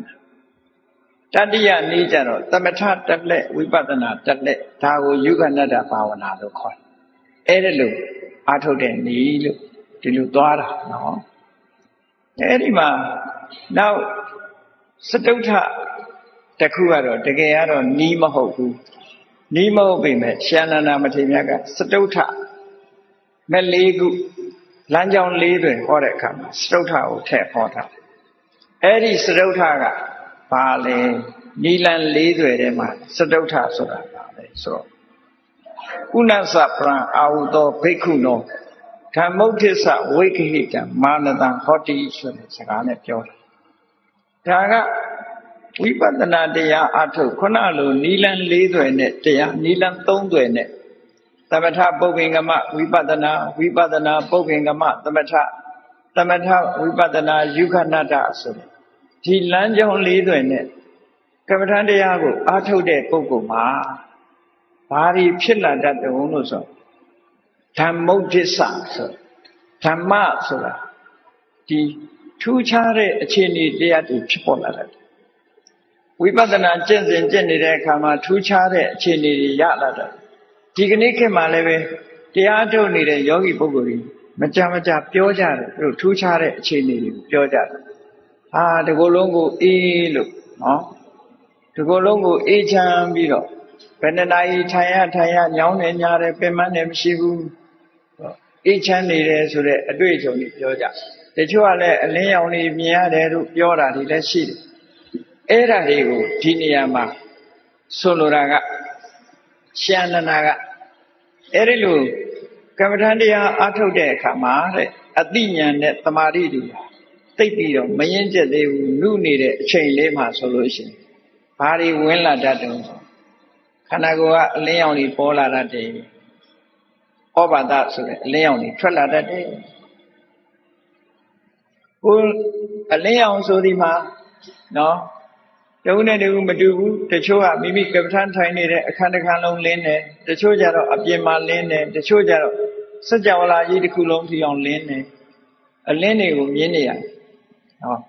ဒီလိုအလင်းဟာလည်းပဲပေါ်လာတတ်တယ်ဘာကြောင့်ပေါ်လာတော့ဆိုတော့ဝိပဿနာစွမ်းအားကြောင့်ပေါ်လာတာ ဝိပဿနာစိတ်ကြောင့်မို့လို့စိတ်ဓာတ်တွေဟာအရင်တုန်းကကိလေသာတွေနဲ့ညှဉ်းနှွမ်းနေတဲ့စိတ်ဟာဝိပဿနာအာယုံပေါ်မှာကြာကြာပုတ်တင်ပေးလိုက်တဲ့အခါမှာအယောင်ထွက်လာတဲ့သဘောပေါ့ခြေပြားလေးကိုပုတ်တဲ့အခါမှာအယောင်ထွက်လာတယ်လို့ပဲမိမိစိတ်လေးကိုအာယုံနဲ့ပုတ်တင်ပေးတဲ့အခါမှာအယောင်လေးတွေထွက်လာအဲ့ဒီထွက်လာတဲ့အယောင်ကအပြင်းထိအောင်ရောက်လာတဲ့အခါမှာဩဘာသဆိုတဲ့အလင်းရောင်တစ်ခုဖြစ်လာဒါလည်းဖြစ်လာတတ်တယ် အဲ့ဒါလို့ဖြစ်လာတဲ့အလင်းရောင်ကိုပဲယောဂီပုဂ္ဂိုလ်အနေနဲ့ဘာဖြစ်တော့ဟာအရင်တုန်းကတခါမှမကြုံဘူးအခုဒီအလင်းရောင်ရတာဒါငါတော့သောတပန်ဖြစ်ပြီးတဂရကံဖြစ်ပြီးနာကံဖြစ်ပြီးညာနာဖြစ်ပြီးတရားဥတရားမြတ်တွေငါရနေပြီဆိုပြီးတော့မဲ့မဟုတ်တာကိုဟုတ်တယ်လို့ထင်တယ်ဖုံမဟုတ်တာကိုဟုတ်တယ်လို့ထင်တယ်နိဗ္ဗာန်မဟုတ်တာကိုဟုတ်တယ်လို့တွေးပြီးတော့ ဝိပဿနာဆက်ပြီးတော့အာမထုတ်ပဲနဲ့အဲ့ဒီလမ်းကြောင်းကိုပဲအလင်းရောင်ပေါ်မှာပဲตาရနေတယ်အဲ့ဒါကိုဒီနေရာမှာဓမ္မုဋ္ဌိစ္စဝိခိတမာနတလို့ခေါ်တယ်ဓမ္မဆိုတာဝိပဿနာစွမ်းအားနဲ့ဖြစ်ပေါ်လာတဲ့ထူးခြားတဲ့အခြေအနေတစ်ခုပေါ်မှာဥဒိစ္စဆိုတာတမာရီဖြစ်ပြီးတော့အဲ့ဒီပေါ်မှာတွေးဝေတွေးတောနေတဲ့ဥဒိစ္စဆိုတဲ့ဒီ ပြန်လွင့်ပြန်နေတဲ့စိတ်တစ်ခုကနေလွှမ်းခြုံထားတယ်လွင့်ပြန်မှုဆိုတဲ့ဥဒိစ္စကနေလွှမ်းခြုံပြီးတိမ့်အုပ်ထားတဲ့စိတ်တွေလွှမ်းမိုးလာတယ်ဝိပဿနာဆက်ကိုအာမထုတ်တော့ဘဲနဲ့ဒီအလင်းရောင်လေးပေါ်သွားတယ်ဆိုကြတဲ့ကသူကဝိပဿနာရဲ့လမ်းကြောင်းဟာလွဲသွားပြီဒါလို့ဆိုလို့ရှုနေကြအာယုံမဟုတ်ဘဲနဲ့အလင်းရောင်တစ်ခုကိုသူအာယုံပြုတ်နေသည့်အတွက်ကြောင့်အဲ့ဒါကိုသုံးတာ ဓမ္မုဋ္ဌိစ္စဝိခိတမာနတံသူ့စိတ်ကိုဥဒ္ထားတယ်ဘယ်သူအတွက်ပေါ်ရတာလဲလို့ဆိုခုဓမ္မလို့ခေါ်တဲ့ဒီနေရာမှာဩဘာသနော်ဒါမျိုး10ခု10မျိုးရှိတယ်10မျိုးရှိတဲ့တဲ့ဒီအလင်းရောင်ကိုဓမ္မအဲ့ဒီဓမ္မကိုအကြောင်းပြုပြီးတဲ့အခါမှာသူတရားသူတရားမြတ်ပြီးတွေးနေတာဟာဩဒိစ္စ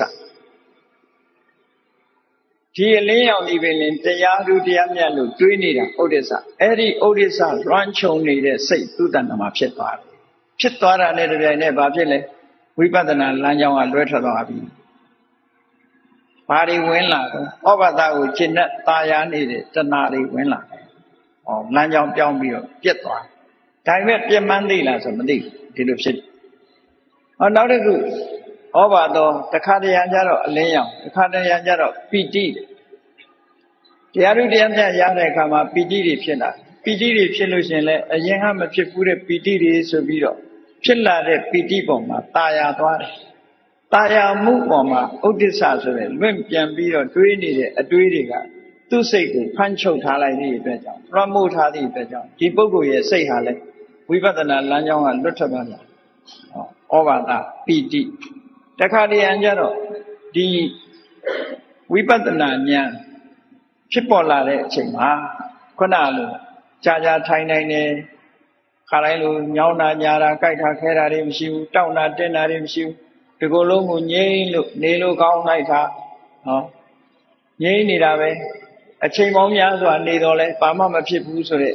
ဒီပတ္တတိတွေဝင်လာတဲ့အခါမှာဒါတရားဥတရားမြတ်ပဲ ငါဟာတရားဥတရားမြတ်ရတာပဲလို့ဒီလိုတွေးတာဟာဥဒိစ္စဝိကိတမှာလား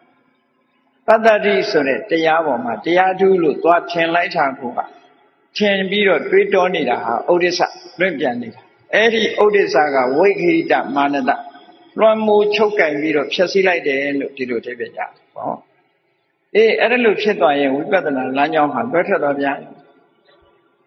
ဟောပါတော့ပိဋိပတ္တတိ အဓိမောက္ခတရားတွေကလည်းပိုကောင်းတယ်ဓမ္မတရားပဲဒါဟာတရားအစ်စ်ပဲလို့ဆုံးဖြတ်နိုင်တဲ့တရားစွမ်းအားကြီးပိုးလာတဲ့စိတ်ဓာတ်တွေကလည်းတအားတက်လာတဲ့ပက္ခစိတ်အားတွေတအားတက်ကြွလာတယ်နောက်ပြီးတော့ဒုက္ခချမ်းသာဒုက္ခလည်းအရင်နဲ့မတူတကိုယ်လုံးတိမ့်တိမ့်တိမ့်တိမ့်နဲ့ပို့ပြီးတော့ချမ်းသာလာတယ်နော်ညာနာအသိဉာဏ်ကလည်းအလွန်ထက်မြက်ပြီးတော့လာတယ် ဥပိ္ပခဒီတရားတွေပေါ်မှာလစ်လျူရှုနိုင်လာတဲ့ဥပိ္ပခဆိုပါစို့သင်္ခါရတရားတွေပေါ်မှာလစ်လျူရှုပြီးတော့စိတ်ဓာတ်တည်ငြိမ်မှုရလာတဲ့ဥပိ္ပခတစ်မျိုးတနည်းအားဖြင့်ဘယ်အာယုံကိုပဲအာယုံစိုက်လိုက်စိုက်လိုက်ဉာဏ်ထဲမှာလင်းငနဲ့ရှင်းငနဲ့မြင်သွားတဲ့အာဝိဇ္ဇနုပိ္ပခဒီတဘာဝတရားတွေဖြစ်ပေါ်ပြီးတော့လာဒီနေရာမှာဥပိ္ပခဆိုတဲ့နေရာမှာဉာဏ်ကိုကောက်တာလည်းရှိတယ် တတ္တရမစ္ဆတတ္တာလို့ခေါ်တဲ့ဒီထိမ့်ညိပေးတဲ့စေတသိက်တစ်မျိုးကိုဆိုလိုတာလည်းရှိတယ်တကယ်ကတော့ညာနာဆိုတာပါပြီးသားဖြစ်တဲ့အတွက်ကြောင့်ဒီဥပိ္ပခာကတော့တတ္တရမစ္ဆတတ္တဥပိ္ပခာကိုကောက်တာပို့ပြီးတော့တင့်လျော်တယ်လို့ဒီလိုဆိုရမှာဟုတ်အဲ့တော့ဒီဝိပဿနာရှုနေတဲ့ပုဂ္ဂိုလ်ဟာအခုလို့ဩဘာသာတဲ့ပီတိတဲ့ပတ္တတိတဲ့ နော်အတိမောခပက္ခဟာဒါတွေဖြစ်ပေါ်လာဒုက္ခတဲ့ညာနာတဲ့ဒါမျိုးတွေဖြစ်ပေါ်ပြီးတော့လာတယ်ပေါ့နော်ဥပဋ္ဌာဏတတိတွေကလည်းအရင်ကနေမတူဘူးသိကောင်းလာတယ်တတိတွေဟာဘယ်အာယုံဘက်ကိုလှည့်လိုက်လှည့်လိုက်ခါနဲ့ရှင်းကနေလင်းကနေမြင်သွားတယ်အာယုံနဲ့စိတ်နဲ့ဟာရှင်းကနေလင်းကနေဖြစ်နေတယ်တတိတွေသိကောင်းလာတယ် ဒါလည်းပဲတရားသူတရားမြတ်လို့စိတ်ထဲမှာထင်သွားတယ်နောက်ဆုံးကြတော့ဘာတော့ကိုရထားတဲ့အခြေအနေလေးတစ်ခုပေါ်မှာဝိပဿနာတရားလေးပေါ်မှာတွေ့တာပြီးတော့နေတဲ့အနေအထားမျိုးနိကန္တိဆိုတဲ့တဏှာပေါ်လာတယ်အလုံး10ခုအဲ့ဒီ10မျိုးဟာဝိပဿနာလမ်းကြောင်းကိုပြောင်းသွားစေတတ်တာဖြစ်တော့ကြောင့်ဝိပဿနုပက္ခိလေတာဝိပဿနာရဲ့အညစ်အကြေးလို့ခေါ်တယ် အဲ့ဒီဝိပဿနာအညစ်အကြေးတွေပေါ်မှာတကယ်တရားဓုလို့ထင်မှတ်ပြီးတော့တွေးတောနေတဲ့စိတ်ဟာဓမ္မုဒ္ဒစ္စဝိခိတမာနတပဲ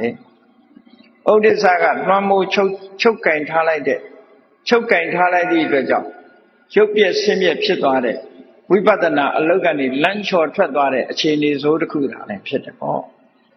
အဲ့ဒါလဲတရားအထုတ်တဲ့ပုဂ္ဂိုလ်ကြီးအလွန်တတိထားရမယ်ဟာဒီပေါ့နော် ဒီပေါ်မှာตาရနေလို့ရှိရင်ရှေ့မတက်နိုင်တော့ဘူးတဲ့ဒါကိုရှင်နန္ဒမထေရမြတ်ကရှင်းပြတယ်ဓမ္မုဒ္ဒစ္စဝိကိကြမာနတံဟောတိဝိပဿနာရဲ့အငြိကြီးထူးခြားတဲ့အခြေအနေတွေပေါ်မှာတွေးတောနေတဲ့ဥဒိစ္စချုပ်ကင်ထားတဲ့စိတ်ပေါ်လာလိမ့်မယ်တဲ့အဲ့ဒီပေါ်လာတဲ့အခါမှာဘာဖြစ်လဲပေါ်လာပြီးတဲ့နောက်မှာ လမ်းမှန်ကိုဆုံးဖြတ်နိုင်တဲ့အခြေအနေမျိုးဆိုတာပေါ်လာလိမ့်မယ်ဟောတိတောအာဟုတောသမယောယန္တံစိတ်တံအစ္ဆတမေဝတန်တိဋ္ဌတိတန်တိတိတိအဲ့ဓာတွေကိုလမ်းမှားဝိပဿနာအာယုအစစ်မဟုတ်ဘူးဒါတွေပေါ်မှာယက်တည်နေလို့ရှိရင်ငါခရီးစဉ်ဖင်နွဲသွားတာလမ်းကြောင်းချော်သွားတာဖြစ်တဲ့ဒါတွေဟာတရားဥတရားမြတ် တကယ်လမ်းမှန်မဟုတ်ဘူးလမ်းမှန်ကတခြားပဲဖြစ်တယ်လို့လမ်းမှန်ဟုတ်တာနဲ့မဟုတ်တာခွဲခွဲပြားပြားသိလာပြီဆိုတဲ့အချိန်ကြတော့ခုနကဝိပဿနာရဲ့အာယုံလို့ဆိုတဲ့ဘောစရိသတ္တဝိပဿနာရဲ့အာယုံအစစ်ဖြစ်တဲ့ရှုမှတ်နေကြအာယုံပေါ်မှာစိတ်ကလေးကငြိမ်ကြသွားအဲ့ကြတော့မှလမ်းကြောင်းပေါ်ပြန်ရောက်တယ်လို့ဆိုနော် ကျိုးလူကြီးကောင်းရင်ပေါ်မှာပြစ်တင်လိုက်တဲ့အခါမှာလမ်းချော်သွားလို့ရှိရင်ကဘာကြီးကိုပတ်နိုင်မှာမဟုတ်ဘူးအဲ့ဒါလိုပဲဝိပဿနာလမ်းကြောင်းလမ်းချော်သွားပြီဆိုလို့ရှိရင်ဩဝါဒစသည်ကြောင့်လမ်းချော်သွားလို့ရှိရင်ပတ်နိုင်မှာမဟုတ်ဘူးဒါကြောင့်မို့ပြန်ပြီးတော့တိမှတ်ပေးနိုင်တဲ့အခါမှာကဘာဘလမ်းကြောင်းကြီးတဲ့သူရောက်သွားပြီအဲ့ဒါလိုဝိပဿနာလမ်းကြောင်းကြီးတဲ့ရောက်သွားပြီဆိုရင်စိတ်ကလေးဟာတည်ငြိမ်မှုတွေရလာပြီးတော့ထူးခြားတဲ့ တရားဓုတရားမြတ်တွေမက္ခလို့ဆိုတဲ့လမ်းမှန်တစ်ခုပေါ်လာတယ်ပေါ်လာတဲ့လမ်းမှန်ကိုတိုးမြင့်ပြီးတော့ကြင်ကြံကြုတ်ကိုအားထုတ်လိုက်တဲ့အခါမှာတန်ရောစဉ်တွေပျောက်သွားတယ်အနုတရားတွေကုန်ခန်းသွားတယ်ဆိုတဲ့တရားဓုတရားမြတ်ရဲ့စွမ်းအားတွေပြန်ပေါ်လာပြီးတရားဓုတရားမြတ်ကအကျိုးပြုလိုက်တဲ့တန်ရောစဉ်ကိုဖယ်ရှားခြင်းအနုတရားတွေကင်းမြောင်အောင်လုပ်ခြင်းဆိုတဲ့ဒီအကျိုးကျေးဇူးတွေကြောင့်ထူးခြားတဲ့တရားဓုတရားမြတ်ကိုရလာတယ် အဲ့ဒါကြောင့်မို့လို့ယဟနာဖြစ်တဲ့ပုဂ္ဂိုလ်တိုင်းပုဂ္ဂိုလ်တိုင်းဟာသူတို့တရားဓုတရားမြတ်ရပါတယ်ဆိုတာဟောဒီလမ်းလေးတွေနဲ့လာခဲ့တာပဲဖြစ်တယ်နော်သမထကိုရှေ့သွားပြုပြီးတော့ဝိပဿနာပွားတယ်ဝိပဿနာရှေ့သွားထားပြီးတော့သမထကိုပွားတယ်သမထတက်လက်ဝိပဿနာတက်လက်ပွားတယ်သမထဝိပဿနာလမ်းကြောင်းထဲမှာအနောက်အရှက်တွေဝင်လာလို့လမ်းချော်သွားတာကိုပြန်လီတိမှတ်ပြီးတော့မှ လမ်းကြောင်းပေါ်ရောက်ပြီးတော့ပြန်ပွားတယ်ဆိုတဲ့ဟောဒီဓမ္မုဒ္ဒစ္စဝိကိတာကိုဖယ်ရှားပြီးပွားတယ်လို့ဆိုတဲ့ဒီလမ်းကြောင်းလေးတွေနဲ့ရရှိလာတဲ့တရားဓုတရားမြတ်ကို သူ့စီမှာလာပြီးတော့ရှောက်ကြကြရှင်အနန္ဒမထေရမြတ်ကယဟန်တော်တွေကိုဒီတရားကိုဟောကြားခဲ့တာဖြစ်ပါတယ်ဟောအဲဒါကြောင့်ဟိုတရားချက်ခင်ဆိုတော့စဉ်ပြိဿပေါင်းတို့မိမိတို့ရဲ့ ဘုရားမြတ်စွာသာသနာတော်နဲ့ကြုံတွေ့နေတဲ့အချိန်မှာတဘောတစ်ခါမြတ်စွာဘုရားရဲ့အဆုံးအမတွေလည်းရှိနေသေးတယ်ကျင့်စဉ်တွေလည်းထင်ရှားရှိနေသေးတယ်ကျင့်လို့တဲ့ဆန္ဒတွေလည်းရှိနေသေးတယ်ဆိုလို့ရှိရင်ဘာလို့တလဲလို့ဆိုရင်လမ်းမှန်ဖို့လို့ပေါ့နော်မှန်ကန်တဲ့လမ်းကြောင်းကနေပြီးတော့တရားဓမ္မကျိုးအထောက်ကြရမှာဖြစ်တယ်မှန်ကန်တဲ့လမ်းကြောင်းဆိုတာခုပြောတဲ့အတိုင်းသမထ တချို့ကသမထမကျင့်ရဘူးဝိပဿနာပဲကျင့်ရမယ်လို့ဟောပြောတာမျိုးတွေလည်းရှိတယ်နော်အဲ့တော့သမထကိုအရင်ကျင့်ပြီးဝိပဿနာနောက်ကိုကျင့်တဲ့လမ်းလားဝိပဿနာအရင်ကျင့်ပြီးမှသမထကျင့်တဲ့လမ်းလားသမထနဲ့ဝိပဿနာနှစ်ခုရှုခဏတအနေနဲ့တလဲစီကျင့်တဲ့လမ်းလားဝိပဿနုပကိလေသာ10ပါးကိုကြော်လွှားဖြတ်ကျော်ပြီးတဲ့အခါမှာလမ်းကြောင်းပေါ်ရောက်တဲ့လမ်းလားလို့အဲ့ဒီလမ်းလေးမျိုးဘယ်လမ်းကနေသွားသွား ဒီစခန်းကိုရောက်ပါတယ်ဒီကနေ့ဘကိုးကိုလာတဲ့လမ်းကြောင်းကြီးပိတ်နေသည့်အတွက်ကြောင့်နော်ဖះကြီးဘက်ကလာတဲ့လမ်းဘက်ကနေဝင်လာတော့လေဘကိုးရောက်တာပါပဲနော်လဲကူမှလမ်းပိတ်နေလို့ဒီလိုပွိတ်ပြီးတော့လာခဲ့ရအဲ့တော့ဘယ်လမ်းပဲဖြစ်ဖြစ်မှန်ကန်တဲ့လမ်းတစ်ခုကနေပြီးတော့ဝင်ရောက်လို့ရတယ်ဆိုတဲ့အဓိပ္ပာယ်အဲ့တော့ဝိပဿနာကျင့်စဉ်တစ်ခုကိုကျင့်ကြံကြုတ်ကုတ်အားထုတ်မယ်အားထုတ်မှသာလဲမိမိတို့တဏ္ဍာမှာရှိတဲ့ ကိလေသာတွေကိုဖယ်ရှားနိုင်ပြီးတော့နိဗ္ဗာန်ကိုမျက်မှောက်ပြုပြီးကိလေသာတွေကိုဖယ်ရှားနိုင်မှဒုက္ခဆိုတာအလုံးကျဉ်းငြိမ်းသွားမှာဖြစ်တယ်မြတ်စွာဘုရားကဝိပဿနာရှိဖို့အကျဉ်းချုပ်ဟောတာသစ္စာ၄ပါးပဲဖြစ်တယ်သစ္စာ၄ပါးဆိုတာဝိပဿနာတရားအထုတ်ဖို့ဟောတာဘာနဲ့ဘာကိုရှုရမှာလဲဆိုရင်မေဃသစ္စာနဲ့ဒုက္ခသစ္စာကိုရှုတာဒုက္ခသစ္စာဒီမေဃသစ္စာရဲ့အာယုံမဲ့ပေါ်ဒီနေရာမှာ ဒုက္ခသစ္မေဃသစ္စာနဲ့ဒုက္ခသစ္စာကိုရှုတယ်ရှုလိုက်တဲ့အခါនិရောဓသစ္စာကိုမျက်မှောက်ပြုပြီးတော့ဒုက္ခသမုဒယဆိုတဲ့သမုဒယသစ္စာကိုဖယ်ရှားခြင်းဖြစ်နိုင်တယ်ဖယ်ရှားတာဖြစ်တယ်အဲ့ဒီသစ္စာ၄ပါးလုံးပြည့်ပြည့်စုံသွားပြီဆိုတဲ့အခါမှာဆင်းရဲဒုက္ခတွေရဲ့ချုပ်ငြိမ်းရာနိဗ္ဗာန်ဆိုတာမိမိတို့တွေရောက်ရှိကြမှာဖြစ်တယ်လို့ကိုယ်စီကိုယ်စီသဘောကျပြီးရှင်နန္ဒမထေရမြတ်ဤ ယူခန္တတဘာဝနာတရားဒေသနာအတိုင်းကျင့်ကြံကြိုးကုပ်အားထုတ်တော်မူနိုင်ကြပါစေကုန်သတည်း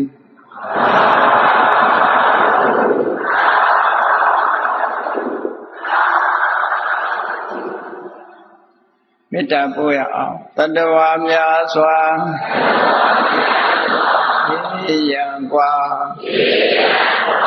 ချမ်းသာကြပါစေတ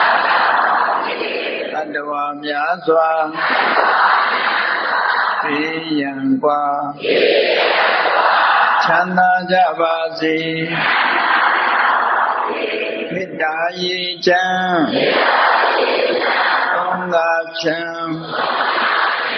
ငြိမ်းချမ်းကြပါစေမေတ္တာရေချမ်းသုံးသာချမ်း ငြိမ်းချမ်းကြပါစေသက်ရှိချမ်းသာစိတ်ချမ်းသာဝိယဆန္ဒပြည့်ပါစေသက်ရှိချမ်းသာစိတ်ချမ်းသာဝိယဆန္ဒပြည့်ပါစေဘုံလန္တာဒုက္ခသင်္ကစားမေတ္တာပုံနေတုသင်္ကမာမနောတရတိတဗေတံပဝါယန္တုဒုက္ခန္တကမေတ္တာပုံနေတုသင်္ကမာစုပေါင်းပုအပ်မေတ္တာတဟုရောက်မြူပါဝင်ငွေလာမင်းနှင့်ရောင်ရင်ရှဲယုံပေါင်းဆိုရခြင်းကြောင့်သဗ္ဗေတံကျွင့်မဲ့ဧတံကျွင့်မဲ့ဧတံကျွင့်မဲ့ဧတံကျွင့်မဲ့သုံးလုံးစုံများစွာတတ္တဝါတို့ဤ မနောတရတိမြင်မြဖြူစင်အေးကြည်လင်းသည့်ရေစင်ပြည့်တင်းစိတ်နှလုံးတည်ဟူသောရေအိုင်ကြီးအတွင်၌